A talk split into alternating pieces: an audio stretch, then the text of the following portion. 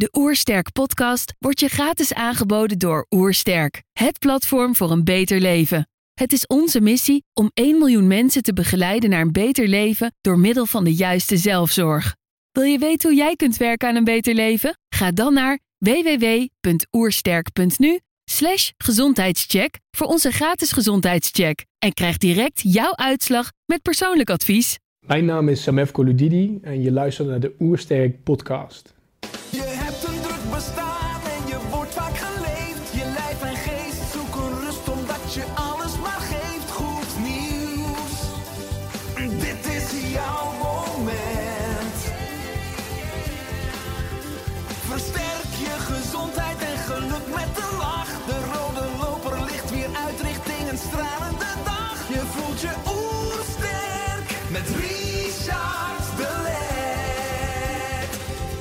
We zijn hier in Heemskerk voor een podcast met Samefko Ludidi. Samefko is voedingsdeskundige en studeerde bewegingswetenschappen en voedingswetenschappen. Hij is gepromoveerd op het prikkelbare darmsyndroom. Ook is hij auteur van het boek De Dr. Ludidi Vaste Methode. Ik ben benieuwd naar zijn tips voor een beter leven. Trouwens, geniet je van onze podcast? Abonneer je dan en laat een reactie of review achter. Zo help je ons om het gezondheidsvirus te verspreiden. Let's start. De Oersterk Podcast. Een ontdekkingstocht naar een beter leven. Samefko, welkom. Ik lees op je website, word de beste versie van jezelf, wetenschappelijk onderbouwd. Wat bedoel je hier precies mee? Tja, dat is een, dat is een hele goede vraag. Ehm, kijk, ik denk dat we in een wereld leven waarin ehm, we allemaal op zoek zijn naar ehm, het maximale uit onszelf kunnen halen op een manier die, die leefbaar is. En we krijgen adviezen aangereikt van allerlei kanten. Eh, het internet eh, stelt ons natuurlijk ook in staat om zelf onze eigen research te doen. Eh, maar dat zorgt er ook wel voor dat we vaak door de boom het bos niet meer zien. En ik denk dat een wetenschappelijke onderbouwing, dat dat voor ve- veel mensen een betrouwbaar handvat kan bieden om sturing te geven aan hun, aan hun eigen leven. Ehm, ik gebruik de wetenschap altijd als, eh, als basis, maar ik vind wel dat ja, als mens leef je. Je bent geen proefdier. Ehm, je bent geen proefkonijn, je bent geen, geen, geen testsubject. En ehm, die wetenschappelijke basis die moet wel ingebouwd kunnen worden in de alledaagse praktijk. Dus ik probeer zoveel mogelijk de kennis die gegenereerd wordt in de wetenschap, die probeer ik te bundelen en dat te vertalen naar een in de praktijk toe te passen gezondheidsadvies. Een advies wat niet leidt tot kortstondige resultaten, maar dat leidt tot ja, een betere versie van jezelf eigenlijk. Een versie van jezelf waardoor je sterker in het leven staat, fitter in het leven, eh, fitter het leven doorgaat. Ehm, beter in staat bent om zelf keuzes te maken die jou dienen als mens. eh, om zo lang mogelijk, zo gezond mogelijk eh, te blijven. Ja, dat doe je enorm goed, dat doe je enorm prikkelend. Hè. We spraken in 2018 beide op een congres in Amersfoort. Eh, jij zei toen, zijn wij analfabeten op het gebied van eten? Wat kunnen we leren van onderzoek en wat moeten we juist niet doen om van eten weer een feest te maken? En hoe kan het dat veel mensen geen idee hebben wat ze in hun mond stoppen eh, en of het bij hun lichaam past? Waar zijn we dus de wijsheid verloren? Je hebt, eh, je hebt het goed onthouden allemaal, of goed opgeschreven destijds. Zeker. Leuk. Maak goede aantekeningen. Ja. Ja, waar zijn we de wijsheid verloren? Dat is een hele eh, complexe vraag. Ehm, je ziet dat als het gaat om het maken van voedselkeuzes. Je ziet dat als het gaat om beweging. Dat is ook zoiets. Hè. We zitten steeds meer. Ik denk eh, dat de moderne leefstijl... dat dat iets is wat inherent is aan het vergeten van eh, bepaalde vitale eh, facetten... die uiteindelijk op de lange termijn ervoor zorgen dat we zo gezond mogelijk blijven. En ik denk dat onze omgeving een belangrijke rol daarin speelt. We worden heel erg gefaciliteerd in het leven tegenwoordig. Ehm, dat heeft betrekking op de manier waarop onze omgeving is ingericht, de ruimtelijke ordening. Ehm, die zorgt ervoor dat we vaker met de auto gaan dan bijvoorbeeld met, eh, dan met de fiets of te voet. Ehm, het patroon van de wegen bepaalt hoe wij ons voortbewegen. Niet alleen waar we gaan, maar ook met welke middelen dat we gaan. En dat is, dat, dat, dat, datzelfde zie je eigenlijk ook terug in ehm, de manier waarop wij ons voeden, de manier waarop, waarop we eten. We worden gefaciliteerd in eten. En dan heb ik het over voorbewerkt eten, voorverpakt eten. Dan heb ik het over eh, de fri- frietkraam die op bijna elke hoek te vinden is. Dan heb ik het over de kantine die op een manier is ingericht zodat die ons dient. Ehm, en dat is niet altijd met de, met, met de juiste voedingsmiddelen. Dat hoef ik jou volgens mij niet te vertellen. Ehm, dus wat je krijgt is dat wij een, een leven leven waarin wij ehm, gefaciliteerd worden, maar die facilitering die dient ons niet altijd op de beste manier. We gaan voor gemak. Of dat nou gaat om de auto of om het bewerkt voorverpakt eten. We gaan voor gemak. En eh, helaas is dat niet altijd de juiste keuze. Zouden wij teruggeplaatst worden in een situatie waarin we eh, voor onszelf moesten zorgen, waarin we niet gefaciliteerd werden, dan denk ik dat je hele andere voedselkeuzes zou zien. Dan denk ik ook dat je hele andere beweegpatronen zou zien. Dan denk ik dat we veel dichter bij de essentie zouden komen eh, van hoe de mens, ja, als het ware, eh, bedoeld is om, om te leven in zijn eigen vrije eh, omgeving. Uiteindelijk zijn we natuurlijk ook maar een stelletje dieren. Hè? Ik bedoel, wij zijn niet, niets anders dan, eh, dan alle andere zoogdieren, behalve dat we dat denken dat we anders zijn. Maar ik denk als wij teruggeplaatst zouden worden in onze eigen omgeving, in een vrije, natuurlijke omgeving, dat we dan hele andere voedselkeuzes en beweegpatronen terug zouden zien. Patronen die ons als mens dienen. Je hebt het zelf meegemaakt, je bent zelf uit de, ehm, hoe zeg je het, uit de... De Matrix. Het uit, ja, uit Ja. het systeem gestapt. En je hebt zelf meegemaakt wat het met je deed. En ehm, ja, het is niet voor niets dat natuurvolkeren, dat die gewoon, als je kijkt naar de gezondheid in de brede zin des woords, dat het gewoon hele vitale volkeren zijn. Daar eh, komen zaken als depressie niet voor. Daar komen zaken als obesitas in principe niet voor. eh, hoge bloeddruk enzovoorts, enzovoorts, enzovoorts. En ehm, als je kijkt naar de manier waarop die mensen leven, dan is dat een manier die, ja, die de mens dient in die situatie. We zijn niet voor niks over de honderdduizenden jaren zo geëvolueerd tot een, tot een soort die gedijt in een, in een vrije natuurlijke omgeving. En in de afgelopen, ja, pak een beetje 200 jaar is daar heel veel verandering natuurlijk in, in, in, in, in, eh, in opgetreden in die, in, die, in die omgeving. Hoe wij hem hebben ingericht als mens, als rationeel wezen. Ehm, helaas met de gevolgen dat we er niet gezond op zijn geworden. In tegenstelling tot wat we misschien hadden gehoopt. Ja, want we zijn dus als mens een groep verzwakte dieren, hè, zoals ik het dan stel, eh, met enorm veel chronische stress. We zouden wat meer blootgesteld mogen worden aan, of moeten worden aan acute stress, waaronder intermittent fasting. Nou, daar heb je een boek over geschreven. En in dat boek pleit je voor een gepersonaliseerde en situatieafhankelijke benadering van gezondheidsbevordering door onderbroken vasten. Wat houdt dit precies in? Ja, ik zeg heel simpel wel eens one size fits none. We zijn allemaal gelijk, maar ook eigenlijk niet. De behoeften die mannen hebben verschilt ten opzichte van vrouwen. En zelfs als we kijken onder de, tussen de vrouwen zijn er grote verschillen, tussen de mannen zijn er grote verschillen. In de basis pleit ik voor een eetpatroon wat voor een ieder, ik noem dat dan delicious en nutritious is. Ehm, ik probeer aan die gepersonaliseerde voorkeuren te voldoen door te kijken naar wat vind jij als individu lekker en wat is voor jouw lichaam voedzaam. Ehm, misschien kan ik dat duiden aan de hand van een voorbeeld. Ik hou zelf van, en in het boek ga ik ook iets dieper in op bijvoorbeeld eh, smaken en smaakvoorkeuren en hoe, wat is dat precies, dat smaak. Maar ik heb een voorkeur voor een filmend mondgevoel. Een filmend mondgevoel, dat is een mondgevoel dat eigenlijk een filmend laagje in je mond achterlaat. Dat zijn vaak iets wat de vettere eh, items of de zoetere items. Denk aan honing, maar denk ook aan boter of lekker chocolade bijvoorbeeld. Of volle, volle yoghurt, Griekse yoghurt. Of een avocado. Vond ik altijd heerlijk. Super gezond toch, avocado? Dan kan je vertellen, als ik hem eet, dan heb ik drie dagen buikpijn ervan. Dus die avocado, die kan super delicious zijn, maar die is voor mij niet nutritious. Dus dan zal ik op zoek moeten gaan naar alternatieven die voor mij als individu zowel delicious als nutritious zijn. Ehm, en dat sluit ook weer aan bij de one size fits none gedachte. De avocado met het gezondheidsimago is voor een deel van de bevolking gezond, bevat goede vetten, vitamintjes, maar niet voor iedereen. Ja, dat is dus uiteindelijk dus een persoonsgebonden geneeskunde, Absoluut. ook op het gebied van voeding. Het is natuurlijk interessant, eh, eh, jouw rol als voedingsdeskundige, dat we in de maatschappij iedereen een mening heeft bijna over voeding, of een soort amateur voedingswetenschapper is, hè, in jouw eigen woorden.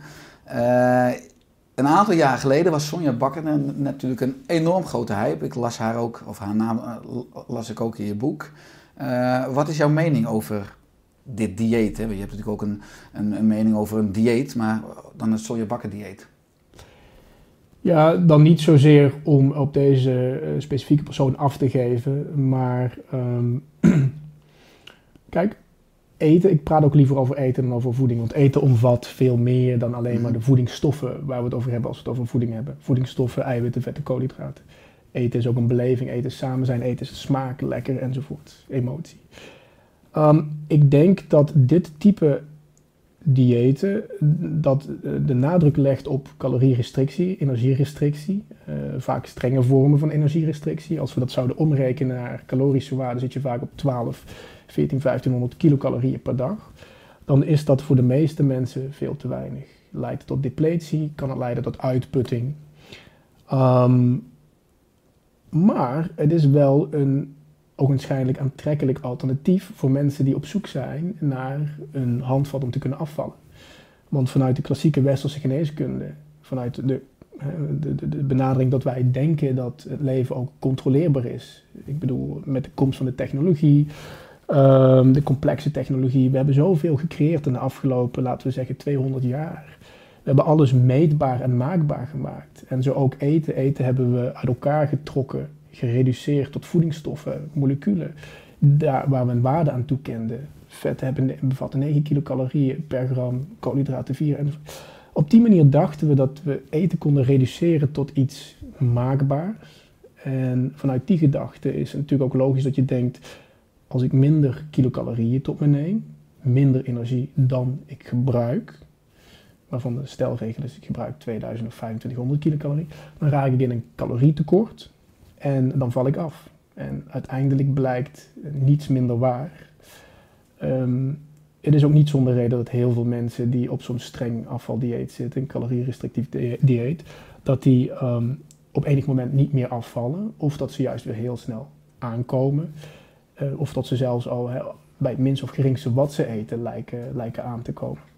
Dus ik ben er sterk eh, tegenstander van. Ik ben sterk tegenstander van ehm, pure energierestrictie. Dat impliceert namelijk dat alle calorieën gelijkwaardig zijn.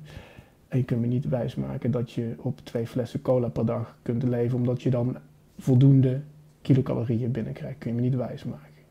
Geloof je dat zelf wel? Nee, ik ben het wel met je eens. Het is niet volgens de wijsheid van de natuur. En, en je lichaam gaat net natuurlijk op de spaarstand, wat je ook schrijft. Ja. ja. Ja. Eh, als je het hebt over de kracht van vasten, waarom is vasten zo gezond? Hè? Je noemde het al een beetje ook vanuit evolutionair perspectief. En hoe kwam je zelf met vasten in aanraking? Uh, het zijn twee hele leuke vragen.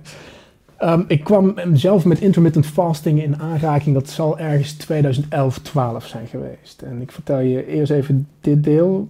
Alvorens ik ga naar waarom dat vasten dus uh, een hele sterke um, methode kan zijn om je gezondheid te boosten.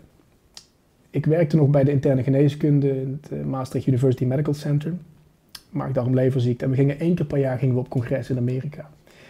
Uh, mijn collega en ik, mijn roommate en ik. Uh, het was in de tijd dat ik nog mijn, mijn, mijn, proefschrift aan het schrijven was, onderzoek deed. En um, als je naar Amerika gaat, dan ben je natuurlijk in de buurt van ook de Bahama's bijvoorbeeld, of van Los Angeles, en dat schijnt de zon. Dus wij plakten er altijd een pleziertripje aan vast. We boekten de reis zo goedkoop mogelijk, zodat het budget overbleef. En dan namen we wat vakantiedagen op en dan namen we een cruise of dan gingen we naar Los Angeles. En dit jaar, ik denk dat het 2012 was, was um, ja, we hadden, het jaar daarvoor hadden we onszelf daarop voorbereid door op een low carb diet te gaan, om iets beter in shape te raken, zodat je ook natuurlijk wat leuke strandselfies kon maken. Mm-hmm. En 2012 kwam ik in aanraking met intermittent fasting via het internet en ik ben me toen daar een beetje in gaan verdiepen en ik dacht van ja, eigenlijk snijdt het wel hout, want wanneer je je um, eetraam knijpt, dan raak je als het ware uiteindelijk in een hogere vetverbrandingsmodus. En als je dan nou ervoor zorgt dat je binnen je eetraam voldoende energie binnenkrijgt, bouwstoffen binnenkrijgt, dan kun je wel je functionele massa, je spiermassa in theorie behouden. Zeker als er een externe prikkel komt die daar ook nog eens een aanzet, training. Dus dat geprobeerd en dat wierp zijn vruchten af. En ik was toen net, denk ik, on the side begonnen met wat mensen te coachen. En um, op enig moment was er een meneer die woog denk ik 120 kilo. Die had ik over een periode van 10, 12 weken had ik die 15 kilo laten afvallen. En hij wilde nog wel iets verder gaan. En ik zei toen tegen hem van ik kan je daarbij helpen. Maar praat er alsjeblieft met niemand over, want het is heel controversieel wat ik nu ga doen. We gaan namelijk het ontbijt opschuiven. En dat is totaal niet gebruikelijk. Zeker toen was het niet, niet iets gebruikelijks. Het gevaarlijk, ontbijt nooit overslaan, belangrijkste maaltijd van de dag. En nou, die man deed dat en uiteindelijk, uh, ja, toen daalde hij verder tot 95 kilo, een mooie 95 kilo. Um, ja, en toen dacht ik van hier zit wel echt wat in. Ik had het eerst op mezelf getest. En toen ben ik langzaam met mijn cliëntele, case dependent, ben ik aan de slag gegaan om dat te experimenteren. In diezelfde tijd opperde ik ook om dit um, in de klinische setting uit te voeren ten opzichte van een calorierestrictief dieet. Maar dat werd al gauw van de tafel geveegd, want het was gevaarlijk, keto, ketoacidose enzovoort. Uh, dus toen dacht ik van goed, dan probeer ik het gewoon zelf binnen mijn cliëntele. En zo ben ik in dat intermittent fasting gerold ergens in 2011, 2012. Ik ben dat toen zelf um, frequent gaan toepassen, een paar keer per jaar. Um, twee, drie keer per jaar, acht weken ongeveer omdat ik, um, ja, ik geloof in de basis. Kijk, intermittent fasting is geen oplossing voor niks. Als de basis niet goed is. En de basis om te kunnen vasten, ik schrijf dat ook, is altijd een goed eetpatroon. Je moet eerst ervoor zorgen dat je lichaam goed gevoed is. En dan kan het die extra stressor die je toepast met intermittent fasting, kan het omzetten in iets positiefs als jij al depleted bent, als jij al uitgehongerd, uitgeput bent, bijvoorbeeld door een 1200 kilocalorieën dieet dat alleen maar bestaat uit sla en tomaat, en als je daar ook nog eens bovenop gaat vasten, dan krijg je stress op stress. En dan, weet je, dan, dan blokkeert het systeem en dan gaat het ook niet verder afvallen. Dus de basis is altijd, zorg ervoor dat je lichaam goed gevoed is. En waarom zeg ik dat? Kijk, als wij kijken naar natuurvolk, ik, ik put heel veel inspiratie uit antropologische studies, antropologisch werk en kijken naar natuurvolkeren. Natuurvolkeren eten in de basis drie keer per dag.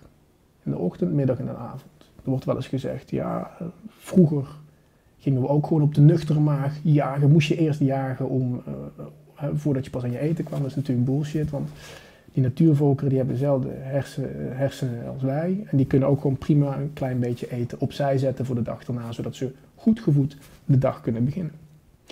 Maar die natuurvolkeren die maken wel met enige, nou, regelmatig is misschien het verkeerde woord, maar die maken enkele keren mogelijk in hun leven, maken die periode van voedselschaarste mee. En over de evolutie heeft moedertje natuur een systeem ontwikkeld, hebben wij een systeem ingebouwd gekregen door de evolutie, waardoor wij voedselschaarste kunnen overleven. Wij beschikken, elk mens beschikt over de capaciteit om in de afwezigheid van eten te kunnen overleven. En dat komt doordat we in staat zijn om te wisselen van brandstof van hoofdzakelijk koolhydraten naar vetten. En um, dat stelde ons toen wij nog leefden als natuurvolkeren in staat om naar andere voedselbronnen op zoek te gaan. Dat gaf ons een, een buffertje als het ware. Dat stelde ons in staat om als jagers-verzamelaar naar een andere plek te trekken, om daar weer te floreren. En diezelfde uh, capaciteit, diezelfde capaciteit om te kunnen teren op lichaamsreserves, vetten in dit geval, die stelt ons nu in staat om um, een draai te geven aan de moderne westerse leefstijl. Want eten is nu altijd en overal voorradig. En we eten ook gewoon de hele dag door. Het continu eetrooster is eigenlijk van kracht, waardoor we niet drie keer per dag eten, waardoor we, waardoor we dus continu aan het eten zijn. En we voeden ons ook letterlijk met de verkeerde dingen. En op het moment dat je dan aanspraak kunt maken op een, een, een systeem dat als het ware uh, geactiveerd wordt wanneer er uh, voedselschaarste is, dan kun je dus je koolhydraatreserves uitputten om vervolgens je vetreserves te gaan aanspreken, waarmee je de boel eigenlijk weer even binnen het gareel krijgt. En omdat voedselschaarste geen, ehm, geen, geen continuum is bij deze natuurvolkeren, dat gebeurt enkele keren in een leven bij die mensen, ben ik geen voorstander van het hele jaar door je lichaam onder die, eh, onder die stress te laten lijden, als het ware. Om het, om het hele jaar door met intermittent fasting aan de slag te gaan. Het kan wel, maar het brengt ook wel wat risico's met zich mee. We moeten dat allemaal niet overdrijven, want een goed gevoed systeem heeft een buffer om die stress om te zetten in iets positiefs. Een verhoogde vetverbranding en daarmee allerlei positieve bijwerkingen voor hart- en vaten, diabetes enzovoorts. Tegen te gaan van type, type 2 diabetes, voor je bloedsuiker, voor je sportprestaties. Ehm, maar de basis zou altijd moeten zijn, voed je lichaam goed en eet drie, misschien vier keer per dag een goede, gezonde maaltijd. Ja, je hoort en leest steeds meer over intermittent vasten. Ook mogelijk als mensen nu luisteren of kijken. Hoe zouden mensen vasten praktisch in hun leven kunnen integreren? Ook als mensen nu luisteren en zeggen, ja, ik heb er al zo vaak over gehoord, nu weer. Dit is de druppel, ik ga er gewoon eens mee starten. Ik wil het eens ervaren. Wat zou een gezonde eerste stap zijn? Ja, mijn advies is, dat heb je misschien ook mee- meegekregen, ik doe één keer per maand doe ik een 24 uur vasten. Elk begin van de maand, eerste weekend van de maand, gaan we gewoon 24 uur vast, 24 uur vast als kennismaking met intermittent fasting.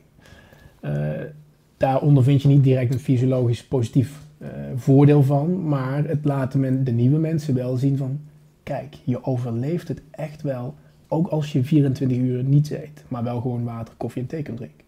Je overleeft het. Je beschikt over die capaciteit.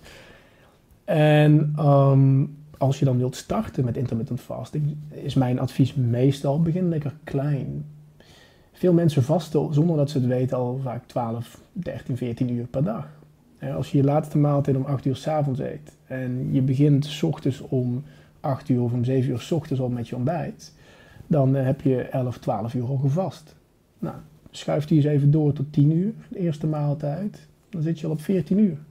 Schuif hem eens even door na 2, 3 dagen naar 11 uur, 12 uur. En probeer dat dus 2, 3 weken vol te houden. Dan zit je dus al zo op 16 uur vasten.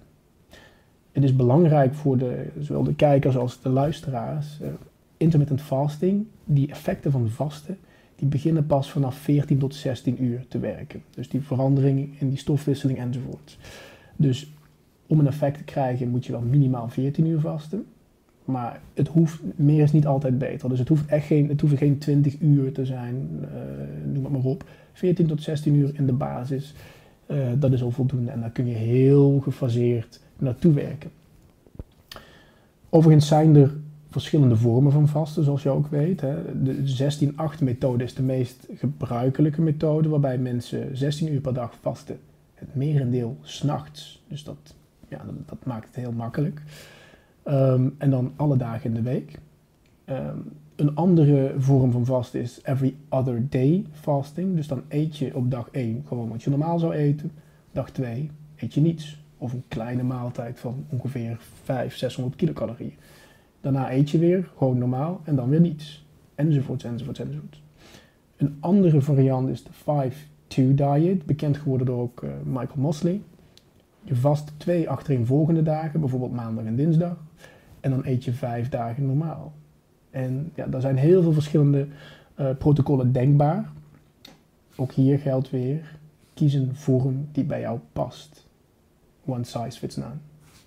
Ja, en 16-8, wat ik aardig wat mensen heb in mijn omgeving, is dat je eet in een frame van 8 uur, bijvoorbeeld tussen 12 uur 's middags en 8 uur 's avonds. Dat is een hele gebruikelijke variant die ook in, in, in de sociale context nog goed te doen is Ja. natuurlijk. eh, ja. Ja, en 16 uur daaromheen dus niet eet.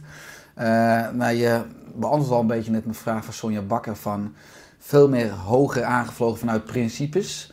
Koolhydraten, vetten. En veel mensen hebben enorm veel onwetendheid over deze belangrijke macronutriënten. In jouw e-book eh, Leefstijl Essentials heb je het ook zowel over de koolhydraten als de vetten. Hè? Zijn het nou vijanden of vrienden? Veel mensen kijken namelijk enorm zwart-wit naar koolhydraten en vetten. Wat is jouw visie op deze twee belangrijke macronutriënten? ja, zoals met veel dingen in het leven is het natuurlijk veel genuanceerder. Mhm. En, eh, om iets eh, puur als goed of als slecht te, te bestempelen, dat, dat, dat, dat werkt gewoon in de praktijk eigenlijk niet. Paracelsus zei de dosis maakt het vergif. Het gaat er vaak om hoeveel je ervan eet. Ehm, uiteindelijk kan zelfs iets als water kan giftig zijn als je er maar genoeg van drinkt. Ehm, mijn kijk op koolhydraten en vetten is, zolang je het houdt bij natuurlijke bronnen, zoveel mogelijk onbewerkt, dan kun je eigenlijk niet de mist in gaan. Ehm, er is niks mis met het eten van natuurlijke vetten, ook al zijn ze van dierlijke komaf. Vetten bevatten ontzettend veel, en los van energie, bevat het ontzettend veel uh, belangrijke ondersteunende stoffen, waaronder vitamine. Koolhydraten, hoeveel koolhydraten krijg je echt binnen als je twee stuks fruit per dag eet? Drie, vier, vijf stuks fruit per dag eet. Dat is niet te evenaren met het eten van bijvoorbeeld een, een energy bar of een, een, een, sport, een gezonde gelabelde sportreep. Dus uh, los van het feit dat we dus met, met, met de natuurlijke producten, met het fruit bijvoorbeeld, maar ook als we kijken naar groenten, iets als aardappels, uh, of dat nou een witte of een zoete aardappel is, je krijgt niet alleen maar koolhydraten binnen, je, je krijgt ook heel veel uh, voedingsstoffen in, in, binnen het brede spectrum binnen.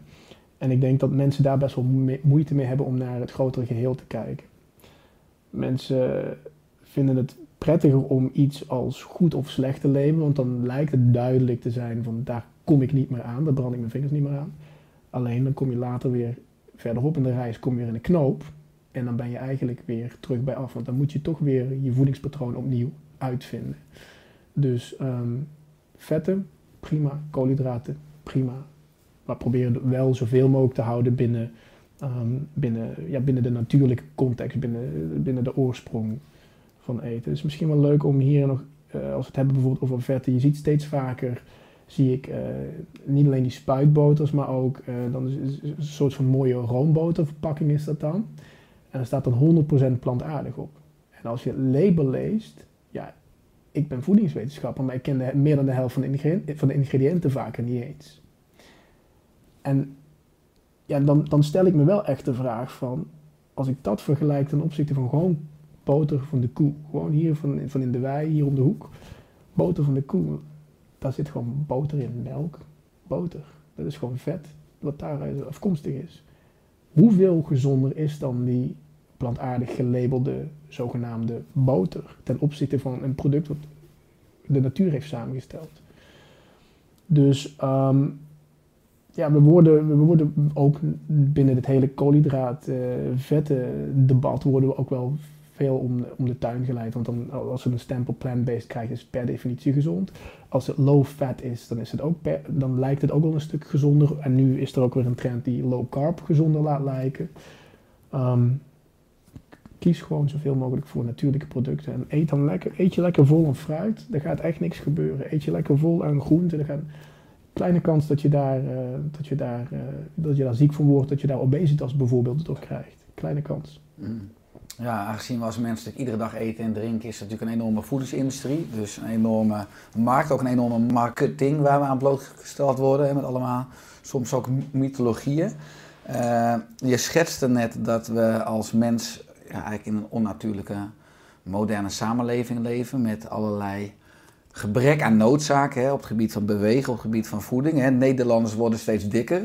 Volgens het RIVM zullen in 2040 62% van de Nederlanders overgewicht hebben. Nou, je geeft aan dat vast een krachtig instrument is om af te vallen. Maar in de huidige obesogene voedselomgeving worden we steeds verleid om te eten en dan vooral de verkeerde dingen. Wat is ook de rol van de overheid in deze? Ja, ik beschrijf in mijn boek ook het, het, het, het drie lagen model. En het drie lagen model moet je eigenlijk voorstellen als drie cirkels. En klein cirkeltje in het midden, dat ben je zelf, dat is de micro-omgeving. En op die micro-omgeving heb jij heel veel invloed, hoe je hem inricht, en veel verantwoordelijkheid over hoe je hem uitvoert. Ga ik één kring groter zitten, de meso-omgeving. De meso-omgeving, dat ben jij op je werk met je collega's, in de sportschool eventueel met je buddy, toen dat nog kon. Uh, en die meso-omgeving, daar is een gedeelde verantwoordelijkheid die deel jij namelijk met je collega's. Die, die verantwoordelijkheid over hoe jullie gedrag met elkaar plaatsvindt. Um, maar ook een gedeelde invloed. Want de invloed die jij op die meezeomgeving hebt, die kan overruled worden door derden. Ga je uit eten en neem je voor om niets te drinken, geen alcohol te drinken. En je collega's die meegaan, die nemen allemaal een biertje of een glas wijn. Dan is de kans groot dat jij zegt van, weet je, ik, ik zwicht en ik neem door. Het is bijna weekend, laat ik ook een wijntje nemen. Heb je geen zin morgen vroeg om te gaan sporten, maar je buddy belt je, kom we gaan toch. Dan, hè, dus het werkt twee kanten op. Dan is de kans aanwezig dat je zegt van goed, let's go. Micro-omgeving, kleine omgeving, jijzelf. Veel verantwoordelijkheid van het individu ehm, en veel invloed van het individu. Meso-omgeving, de verantwoordelijkheid, die neemt al af. En gaan we nog een schaalniveau groter zitten, dan zitten we in de macro-omgeving. Dat is waar jij het eigenlijk over hebt. En in die macro-omgeving telt de mening van het individu eigenlijk nauwelijks nog maar. Eh, je kunt er heel weinig invloed op uitoefenen. En de verantwoordelijkheid die jij hebt, die is er natuurlijk wel, maar wat gebeurt er met die verantwoordelijkheid, met de individuele verantwoordelijkheid? Er is een collectieve verantwoordelijkheid, een collectieve invloed. En er zijn enkele machten die wel ehm, veranderingen in die macro-omgeving kunnen afdwingen. En dat, die macro-omgeving is uiteindelijk de omgeving waar we allemaal gebruik van maken, waar we allemaal in leven. We leven niet allemaal in jouw woonkamer, maar wel gewoon in de ruimte. En de overheid is een belangrijke speler die daar invloed op kan uitoefenen, invloed op kan afdwingen. Maar ook de voedingsmiddelenindustrie bijvoorbeeld. Die bepalen uiteindelijk wat in die macro-omgeving in de schappen ligt. Ehm, ja, ik kan wel zeggen, mensen vinden dit lekker, mensen willen dit hebben, maar jullie maken het. Dus die, eh, ja, die, die verantwoordelijkheid ligt zeker ook bij de voedingsmiddelenindustrie, maar ook bij de overheid. En het moeilijke is, we bewegen met z'n allen een bepaalde richting uit. Het is, we zijn er niet gezonder op geworden de afgelopen 20, 25, 30, 40 jaar. Maar binnen die macro-omgeving vindt een overheid het lastig om een verantwoordelijkheid die ze hebben, om die te nemen. Omdat uiteindelijk daar ook weer het individuele belang geldt dat ze maar maximaal vier jaar iets voor te zeggen hebben. En wat kun je nou in vier jaar uiteindelijk bereiken? Het is een, eh, het is een moeilijk samenspel van meerdere, meerdere machten. Maar ik denk dat we, als we verandering willen realiseren, dan kom je er niet omheen dat je daar iets zult moeten gaan afdwingen in die, in, in, die macro-laag, in die grootste laag. Ja, en voor een deel zijn veel mensen natuurlijk ook weerloze zoete kouwen. In een omgeving die- absoluut. die je continu verleidt met bewerkte koolhydraten dan vooral, ja. Als je het hebt over, eh, ook over het complete leven. Je gaat met een vriend een paar keer per jaar op jacht in de bossen van Zuid-Limburg, las ik. Een gebied dat rijk is aan zwijnen. Eh, wat brengt dit jou? Lekker eten om te beginnen. Mhm. een lekker stukje vlees. Zorg dat er ook voor, want ik heb zelf ervaren, dus wat je net aanhaalde in de Spaanse Pyreneeën in 2013, waar ik voor het eerst een kip slachtte. Eh, moest slachten, laat ik het zo zeggen. Anders ging ik naar Mhm. de biologische slager en heb je een soort blinde vlek. Dat ik, ik kreeg veel meer respect voor het eten op mijn bord, maar ook voor natuurlijke kringlopen. Ja, zeker, 100%. Ehm, ik eh, help deze vriend wel us bij hem in de garage. Heeft hij heel mooi ingericht om de catch of the day, ehm, ja, om, om de vacht eraf te halen, et cetera, om, hem eh, af te stropen. Ehm, en dat, dat brengt je op een andere manier in contact met, met je eten. Ik bedoel, de, eh, de teken lopen ook letterlijk over je, eh, over je, over je eigen huid. En het, is niet zelden voorgekomen dat ik er eentje achter mijn oren wegplukte na een paar dagen. Ook dat geeft weer een, een zeker respect ook weer eh, naar het, ook het, het, werk wat deze, wat deze vriend van mij doet. Althans, het is voor hem een, een hobby klinkt een beetje eh, alsof je voor je plezier dieren loopt te slachten. Maar deze vriend eet ook gewoon alleen maar het vlees wat hij zelf jaagt. Eh, maar het geeft je wel veel meer respect ook voor ehm, ja, hoe mensen eigenlijk aan hun eten komen. Eh, los daarvan, het smaakt heel goed. Het smaakt anders, het smaakt beter, het smaakt veel rijker, voller. Het, is, het smaakt, misschien kan ik het voor iemand die dit nooit gegeten heeft vertalen naar het smaakt minder waterig. Stukje eh, ja, fabrieksvlees is toch vaker iets, iets vlakker aan smaak. En je moet je voorstellen hoe dat gaat. Je trekt naar de Ardennen. Dat is eh, bij, mij in Maastricht is dat 100 kilometer verderop. Het is eh, in de periode dat we jagen is het nooit warm daar. Dus je zit gewoon vaak drie, vier uur te wachten. Je kunt wel een beetje met elkaar fluisteren, maar je mag niet te hard praten, want dieren pikken alles op. Ze zijn heel sensitief. En je zit daar gewoon, je bevriest die kont van je, van, je reet af, zeg maar. het is echt, het is koud, het is wachten.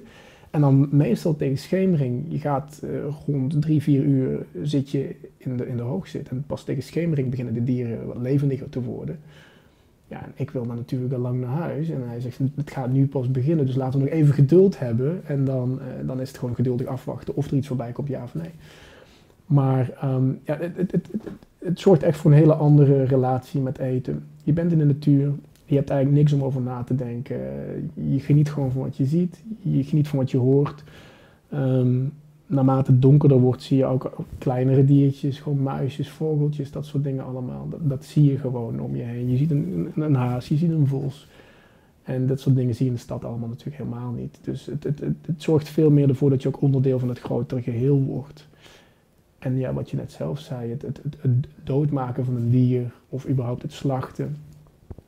Ik heb, ehm, mijn opa die had zelf konijntjes thuis en die slachten één keer in de zoveel tijd slachten die konijntjes. Dus ik ben, dat beeld is voor mij niet heel eng of vreemd. En ik heb ook familie in Afrika. Als, als we naar Afrika gaan, wordt er ook een dier geslacht en dan wordt mijn broer en ik wordt gevraagd van kunnen jullie helpen. Ehm, maar zo kom je aan je eten. Je komt niet aan je eten door op je luie reet te zitten en op een paar knopjes te drukken en opeens komt er een lekkere sushi of zo, eh, weet je, bi- bi- binnenschuiven. Zo kom je niet aan je eten. Maar als ik de brug maak, hè, ik bedoel bij jou een zwijn, ik noem een kip. Hoe kijk jij als voedingswetenschapper ook naar een vegetarisch of een vegan eetpatroon? Ik ben eh, geen voorstander van een veganistisch eetpatroon. Ehm, ik ben, ehm, als we kijken naar vegetarische leefstijl, dan is daar op zich wel iets voor, van te zeggen. Maar ook hier beroep ik me weer op culturele antropologische studies. En als je kijkt naar ehm, de natuurvolkeren ook die nu nog leven, dan zie je dat er bij elk van die volkeren, of het over de Nenets gaat in Siberië, of het gaat over de mensen die in Groenland leven, de Inuit, of het gaat om eh, de Khoisan in Afrika, of het gaat om kleine groepje dat in Australië nog leeft. Ehm, daar in elk van die, van, die, van, die, van die volkeren hun eetpatroon komt iets van dierlijke ingrediënten voor. Er zijn ook geen natuurvolkeren die 100% plantaardig eten. Dat is een culturele ingeving. Dat gaat ook uit van bepaalde principes die wij ehm, met elkaar delen en waar we het dan met elkaar over eens worden, bijvoorbeeld. Ehm, en het is natuurlijk ook niet voor niets dat mensen die een 100% plant-based eetpatroon ehm, hanteren, dat die geadviseerd worden om te suppleren. Met onder andere vitamine B12, D. eh. Dus dat is niet zonder reden. Ik geloof niet dat het een overeenstemming is met hoe wij eh, als mensen horen te eten. Ook als ik naar naaste diersoorten kijk, waarmee, waarmee wij veel DNA overeenkomstig hebben. Chimpansees, bijvoorbeeld chimpansees jagen, maken ook gebruik van tools om te jagen. Dan wel op andere aapsoorten, dan wel op, op bijvoorbeeld knaagdieren. Er wordt wel eens de vergelijking gemaakt met mensen en gorilla's, maar we, genetisch gezien hebben we veel meer overeenkomstig met chimpansees. Dus daar geloof ik niet in, volledig plantaardig. We zien natuurlijk wel in de wetenschap dat mensen die een overwegend een plantaardig eetpatroon erop nahouden, dat die vaker gezonder zijn. Ik denk dat dat ook de mensen zijn die beter in staat zijn om bepaalde keuzes te maken, die vaker bewegen enzovoort. Ehm, mijn voorkeur zou dan uitgaan naar een, eh, naar een vegetarische leefstijl. Maar ik begrijp wel dat vanuit de manier waarop wij omgaan met deze wereld, zou ik willen zeggen, dat er behoefte is aan het maken van andere voedselkeuzes. Maar dat staat voor mij even binnen dit kader, dat staat natuurlijk niet helemaal los ervan, maar los van eh, de discussie of het gezond is, the way to go, ja of nee. Feit is dat we wel anders om moeten gaan met hoe we met, deze, eh, met, met, met de dieren omgaan in de bio-industrie. Of die er überhaupt zou moeten zijn. Mhm. En hoe we überhaupt met eh, deze aardkloot omgaan. Eh, ik heb het ook over monocultures bijvoorbeeld. Ik heb het ook over de, de avocado die ik eerder noemde. Of de bananen die ehm, van de andere kant van de wereld hier naartoe eh, verscheept worden. Ik heb het ook over cosmetische producten waar palmolie in zit en wat nog meer. Dat is een, dat is een vraagstuk aan zich. Vanuit een gezondheidsperspectief, nou, denk ik dat ik voldoende eh, daarover heb gezegd, ben ik zelf wel voorstander van in ieder geval een, voor een deel dierlijke producten binnen het, eh, binnen het eetpatroon. Duidelijk, ja, eens. Je begeleidt ook topsporters, artiesten, leidinggevenden van grote bedrijven. Eh, hoe is dit en wat geeft je de meeste voldoening in deze processen?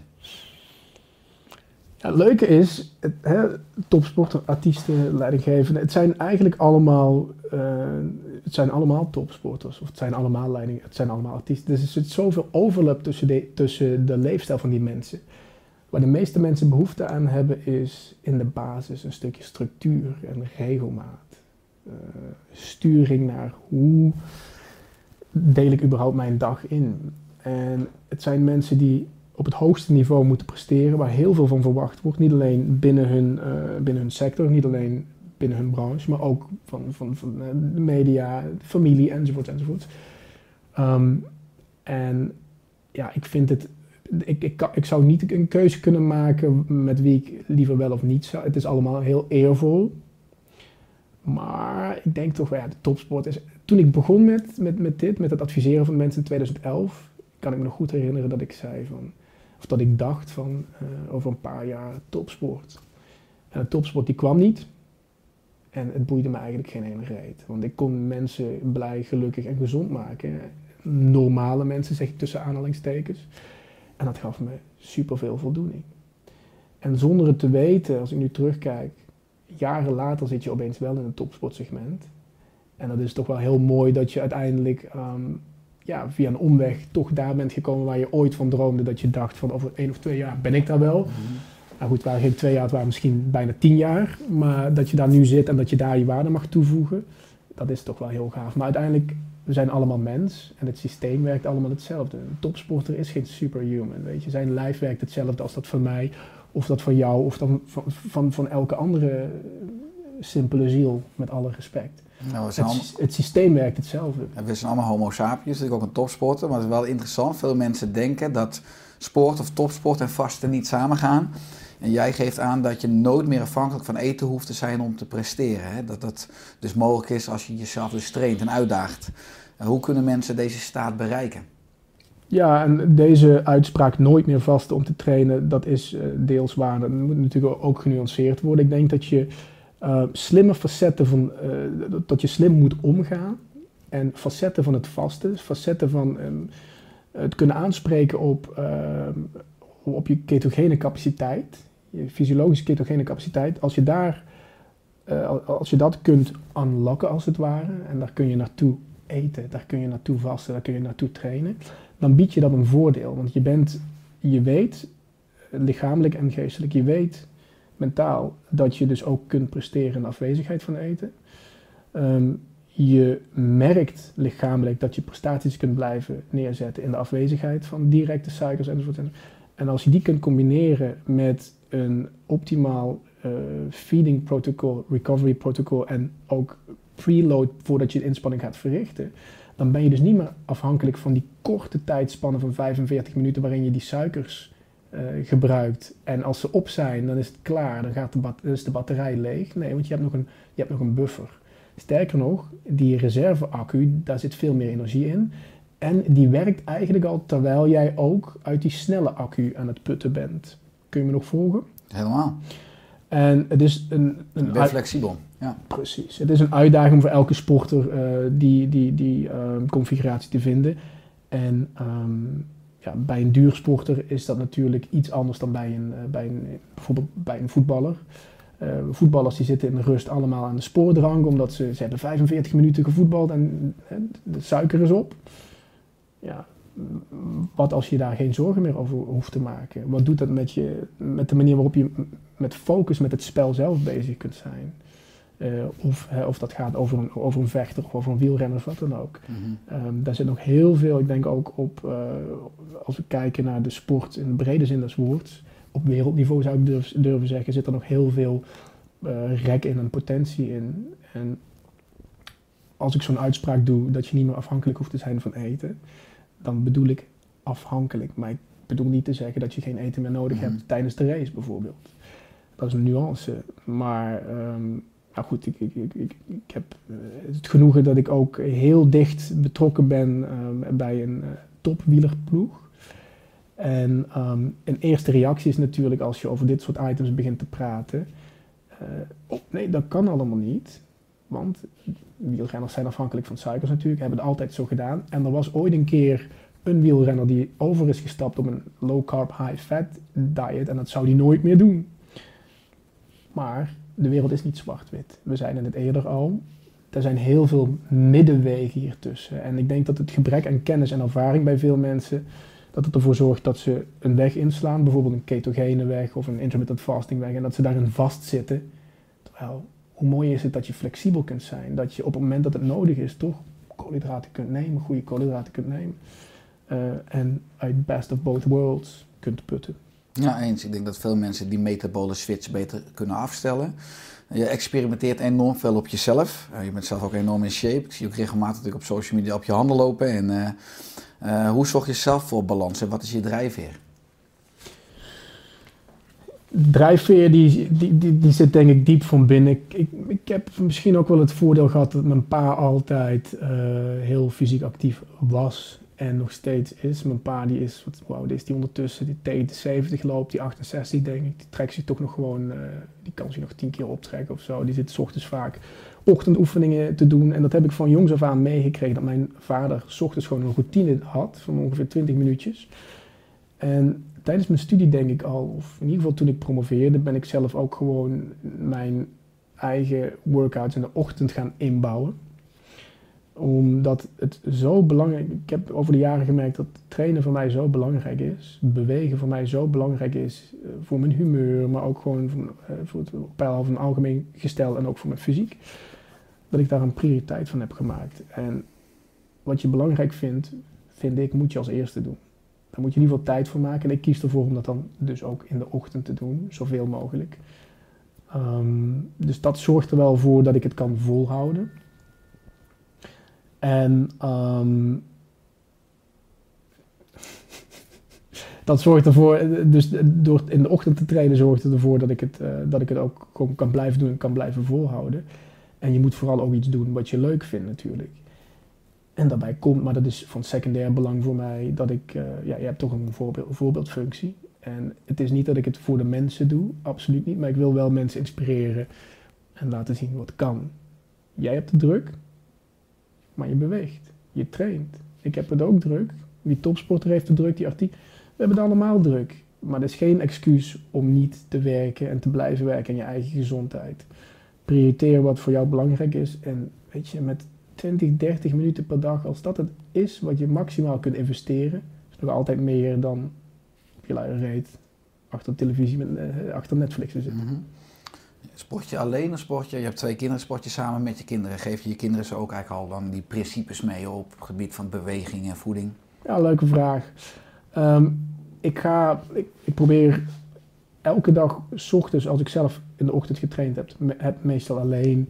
Voorheen eh, deed ik dat met een trainingsbuddy. Toen kon ik nog naar de gym, nu doe ik het thuis. Ik heb het washok getransformeerd tot eh, mini-gym van eh, drie vierkante meter of zo.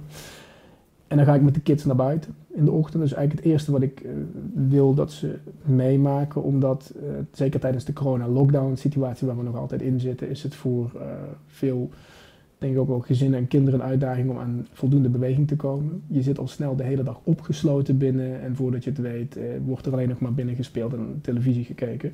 Dus we gaan een uur naar buiten. Dat kan zijn naar een skaterpark in Maastricht bij ons of naar een bos. En dan hebben ze die portie beweging gehad die amuseren zich perfect met z'n tweeën. Het is alleen maar rennen, klauteren enzovoorts. Af en toe speel ik de grote boze dino die ze kon pakken of komen Mhm. zij eh, de dino pakken. Ehm, en dan eh, proberen we voor het slapen gaan, proberen we nog, eh, ja, toch wel 20 minuutjes is dat vaak wel, eh, gaan we stoeien. Ik heb vroeger karate gedaan en ik heb twee mooie pakjes van mijn moeder gekregen. Dus daar gaan de pakjes aan bij de kids, die passen nu perfect. Dan beginnen we ook echt met een ritueel, met het groeten. En dat gaat super goed. Het is heel mooi om te zien hoe snel ze dat oppakken. Ze zijn drie en vier. Maar we gaan eerst buigen, op de knieën zitten, groeten, respect tonen. En dan gaan we even gewoon een kwartiertje, twintig minuutjes stoeien. En als het klaar is, eerst groeten. En dan weten ze ook, dan is dat ritueel afgelopen. En dan is het tijd om naar bed te gaan. Dus ik probeer ze zeker wel ook van mijn beweeg, ehm, ja, van mijn be- be- beweeggenot, dat probeer ik ook over te dragen op de kids. Spelenderwijs, juist rijkdom. Spelenderwijs. Ja. Eh, in het voorjaar van dit jaar verschijnt je tweede boek, Stop met diëten. Eh, wat je samen hebt geschreven met eh, Victoria Koblenko. Eh, hoe kwam deze samenwerking tot stand en wat is de essentie van dit tweede boek van jou? ja, dat is een super mooie samenwerking. Victoria en ik kennen elkaar, ik denk zo'n twee jaar nu ongeveer. En, De meeste mensen kennen Victoria Koblenko natuurlijk van goede tijden en slechte tijden. Ik denk dat veel mensen- Gedachtegraaf. Ja, ik denk inderdaad dat veel mensen haar daarvan kennen. Ja. Ze heeft natuurlijk ook nu aan het perfecte plaatje, dat is een eh, televisieprogramma, heeft ze mee. Willem Rutte, ja, fotografie, ja. En Victoria is iemand die eh, zich altijd heel goed verdiept in, ehm, in eh, wat, wat zij praktiseert. En Victoria is op enig moment in aanraking gekomen met intermittent fasting. omdat zij op zoek was naar, en zij kan het veel beter vertellen dan ik zelf natuurlijk, maar naar een, een, naar een, ehm, een leefstijl waarbij ze ehm, maximaal kon blijven genieten van het eten, zonder daar de negatieve gevolgen van eh, te ervaren. Maar ook naar een manier die haar lichaam voedde. En zij leerde gaandeweg dat het vrouwenlichaam genoeg vetten nodig heeft. ehm, om gezond te kunnen blijven, terwijl ze vroeger angst voor vet, alles wat vet is, dat is slecht. Zij omarmde, omarmde een, een, een lifestyle ook, waarin ook vetten onderdeel uitmaken van, van, van het eetpatroon. En zo rolde zij in intermittent fasting. En ik kan me nog goed herinneren dat ze tegen me zei van ja, ik heb de eerste twee keer geprobeerd dat intermittent fasting, maar ik kwam er maar niet doorheen. Maar dat had dus onder andere te maken, ik ga niet te veel vertellen over de inhoud, maar had onder andere te maken met het feit dat zij dus zichzelf niet goed voedde. En dan gaat het lichaam natuurlijk in de weerstand. Nou, Victoria en ik kwamen, eh, waren al met elkaar in contact en zij stuurde me een bericht, eh eerste corona-lockdown. Ze zei van ik probeer kennis te delen. Eh, wil je dat met mij doen op mijn platform? We hebben een superleuke sessie daar gehad, een live sessie. En wij zaten nog in die, in die coronasituatie. En ik dacht van, ja weet je, ik moet gewoon gebruik maken van deze stilte om een nieuw boek te schrijven. Een broertje die doet mijn management, die zei van, weet je, ga gewoon lekker een nieuw boek schrijven. En als het straks voorbij is, dan boem. Kaya. Ja. Kaya inderdaad. En ik begon te schrijven en ik dacht van, ja, weet je, dat gesprek met Victoria, dat, ehm, dat, dat, dat had zo, zoveel diepgang en, en, en zij snapt gewoon echt hoe eh intermittent fasting werkt. Dus eh, misschien moeten we gewoon kijken of we samen een, een, een boek gaan schrijven over dit onderwerp. Vooral omdat ehm, de feedback die ik van, van, vanuit mijn boek kreeg, ehm, was dat het best nog wel een pil was. Het is meer bijna naslagwerk, eh, een studieboek bijna dan een, boek, een praktisch boek. En eh, Victoria stelde mij eigenlijk in staat om dat te vertalen naar iets praktischer, waar, waar de mensen ook gewoon echt direct mee aan de slag kunnen gaan. Mijn boek is natuurlijk, mijn eerste boek is, ja goed, lees, lees, eerst, lees je eerst in, verdiep je in de theorie en ga dan aan de slag. Mhm. En nu proberen we mensen vanaf het begin al bij de hand te nemen eh, met praktische adviezen van, weet je, vasten doe je zo. Op deze manier eh, begeleiden wij, wij jou door onze vaste journey, door jouw vaste journey. En we delen ook heel veel eigen informatie, eigen achtergrondinformatie over hoe wij dat in ons privéleven aanpakken. Leuk, ik kijk er naar uit. Ik ook. Als, eh, nou, straks kom je dus mogelijk weer met Victoria in de media met je nieuwe boek. Nou, mogelijk eh, ben je ook al op de radar van Mark Rutte. Eh, het gaat nu natuurlijk ook in de coronacrisis niet echt goed met de metabole gezondheid van Nederlanders. Als hij je zou bellen, zou zeggen, Samefco, zou jij niet minister van Voeding en Leefstijl willen worden? Ik heb hier ook een zak van 50 miljard euro, zodat je ook echt, impact kan maken in de maatschappij. Wat zou je dan veranderen? Wat, wat zou je aanpakken? Ja, in ieder geval om te beginnen, de termijn die ik daarvoor zou krijgen, alsjeblieft laat die langer dan vier jaar zijn, want in vier jaar realiseer je niks. En ehm, daarnaast denk ik dat het heel belangrijk is dat we ehm, mensen in beweging krijgen. Niet in beweging in, in de zin van natuurlijk ook sporten enzovoort, maar gedragsverandering. En ik kom natuurlijk uit een wereld waarin alles eh, getheoretiseerd wordt. En eerst theorie en dan kijken we wat we ermee kunnen. Maar ik denk dat het vooral belangrijk is, laten we gewoon aan de slag gaan met z'n allen. Laten we die veranderingen doorvoeren. We weten inmiddels dat het weten, weten hoe het moet, dat zegt niks over dat we het ook gaan doen. Dus ik zou vooral werk ervan maken ehm, om mensen ja, de erbij te helpen dat ze de juiste keuzes kunnen maken. En dan beginnen we zeer waarschijnlijk gewoon bij het voedselaanbod. Ja, dat is natuurlijk heel breed. Als je ook kijkt naar het voedselaanbod op sportkantines, treinstations, pretparken, supermarkten. Eh, wat zou je dan concreet aanpakken? Zou, heb je dan ook bijvoorbeeld over btw-vrijstellen op groente en fruit en een extra belasting op, op suikerrijk, ongezond voedsel? Ja, dat is, ik denk dat het heel. eh, je kunt makkelijk een start maken. Mhm. Kijk, om een, een, een rating te maken wat goed is en wat niet goed is, ja, dat, dat, dat, dat is best wel challenging. Een, stopwerk, een stoplichtsysteem, dat werkt niet. Maar ik denk wel dat je in de basis, als we beginnen met natuurlijk onbewerkt eten, dat gewoon belastingvrij. En alles wat een bewerking heeft ondergaan, dus dan hoeven we het niet eens te hebben over de discussie vetten, suikers. Gewoon alles wat een bewerking heeft ondergaan, daar gaat gewoon dikke vette belasting op. Eh 21% of misschien zelfs wel eh, 25%. Ehm, om mensen te belonen om onbewerkt eten te kopen en zelf aan de slag te gaan daarmee.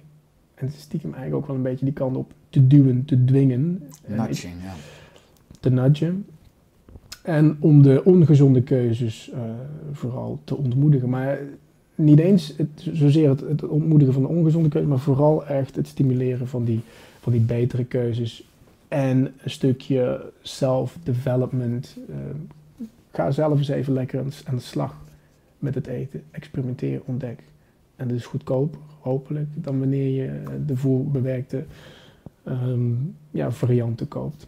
Ja, waarmee je indirect ook zegt, eh, voeding zeg maar, uit handen van de natuur, daar ben je veel veiliger dan als voeding of voedsel uit handen van de mens is. Wees dan een stuk kritischer, omdat daar allerlei bewerkingen aan toegevoegd zijn, Ja. wat Zonder meer. mogelijk haak staat op ons evolutionaire ontwerp. Zonder meer. Ja. Want vanuit dat perspectief is voeding natuurlijk letterlijk informatie en communicatie voor je darmbacteriën, voor Ja. je immuuncellen, voor je zenuwstelsel. Ja, z- zonder meer. En ehm, het, kijk, gemak dient de mens. Die uitspraak is er niet voor, niks, niet voor niks. En, ehm, dus we zullen toch altijd voor de gemakkelijkste keuze eh, kiezen. Dus als ik die zak dan heb, van hoeveel was het nog een keer? 50 miljard eh, Nou ja, goed, eh, Ja. dan moeten we ook kijken naar een manier waarop je het, eh, de gezonde keuze dus eh, gemakkelijker kunt maken. En dat is dus door die, door die prijsverlaging. Het moet betaalbaar, gemakkelijk en ook lekker zijn.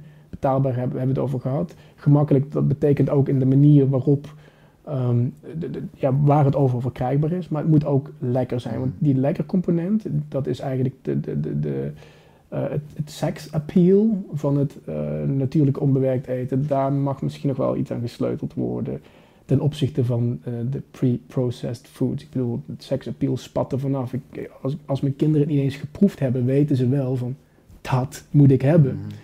En dat is met een, met, met een bakje worteltjes of zo, is het niet echt zo dat per se datzelfde sex appeal heeft als een raketijsje of zo, met een mooie fancy reclame. Dus daar zou ik, ik denk dat ik misschien in de marketing wel heel veel geld zou pompen van die 50 eh, miljard. Miljard, ja, lijkt, lijkt me een hele goede set. Ja. Als ik kijk ook, eh, nou, ook op je website, maar ook op je social, waar ik je al jaren volg. Je bent regelmatig in de media, van tijdschriften tot programma's op televisie.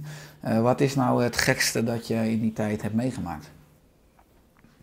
Oeh. Oeh, dat is een hele goede vraag. Je bedoelt binnen de media. Mhm. Ah, een van de dingen die me wel echt bijblijft, en dat frustreerde me op zich wel. Ik ben een keer door een eh, groot kanaal gevraagd om iets op, eh, om een slimme opmerking te, te zeggen over hoe het nou kwam dat de Nederlandse vleesconsumptie, dat die gestagneerd leek te zijn. Dus wat we zagen is een daling in vleesconsumptie over x aantal jaar. En na, ik geloof na twee of drie jaar leek die daling te zijn gestagneerd. De vraag is natuurlijk in hoeverre je echt van een stagnatie kunt spreken als, eh, als je het maar hebt over zo'n kort tijdsbestek. Misschien moet je daar even voor wachten en nog eens even drie, vier, verder jaren, drie, vier, vijf jaar verder eh, bekijken. Maar ik werd dus gevraagd of ik daar iets over kon vertellen. Hoe komt het dat eh, die daling gestagneerd is?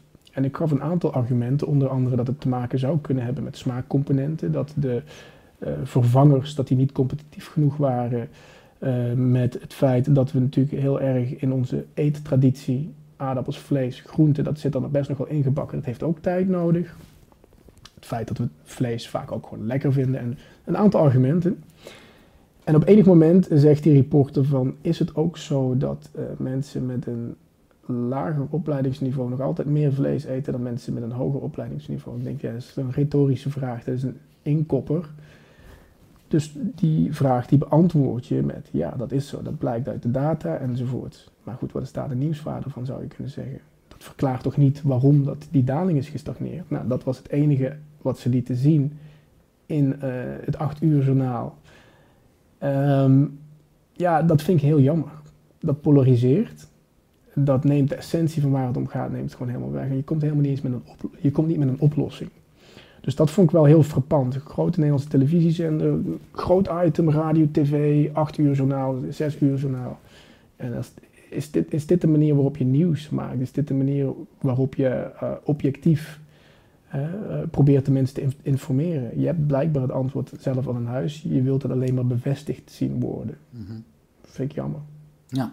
Is het voor jou nog een les geweest om nog alert te zijn, of nog strategischer te zijn? Op... Ja, zeker. Um, ik geloof vorige week in het coronadebat kopte diezelfde nieuwszender met dit is waarom, je, waarom we de Engelse coronavariant moeten vrezen.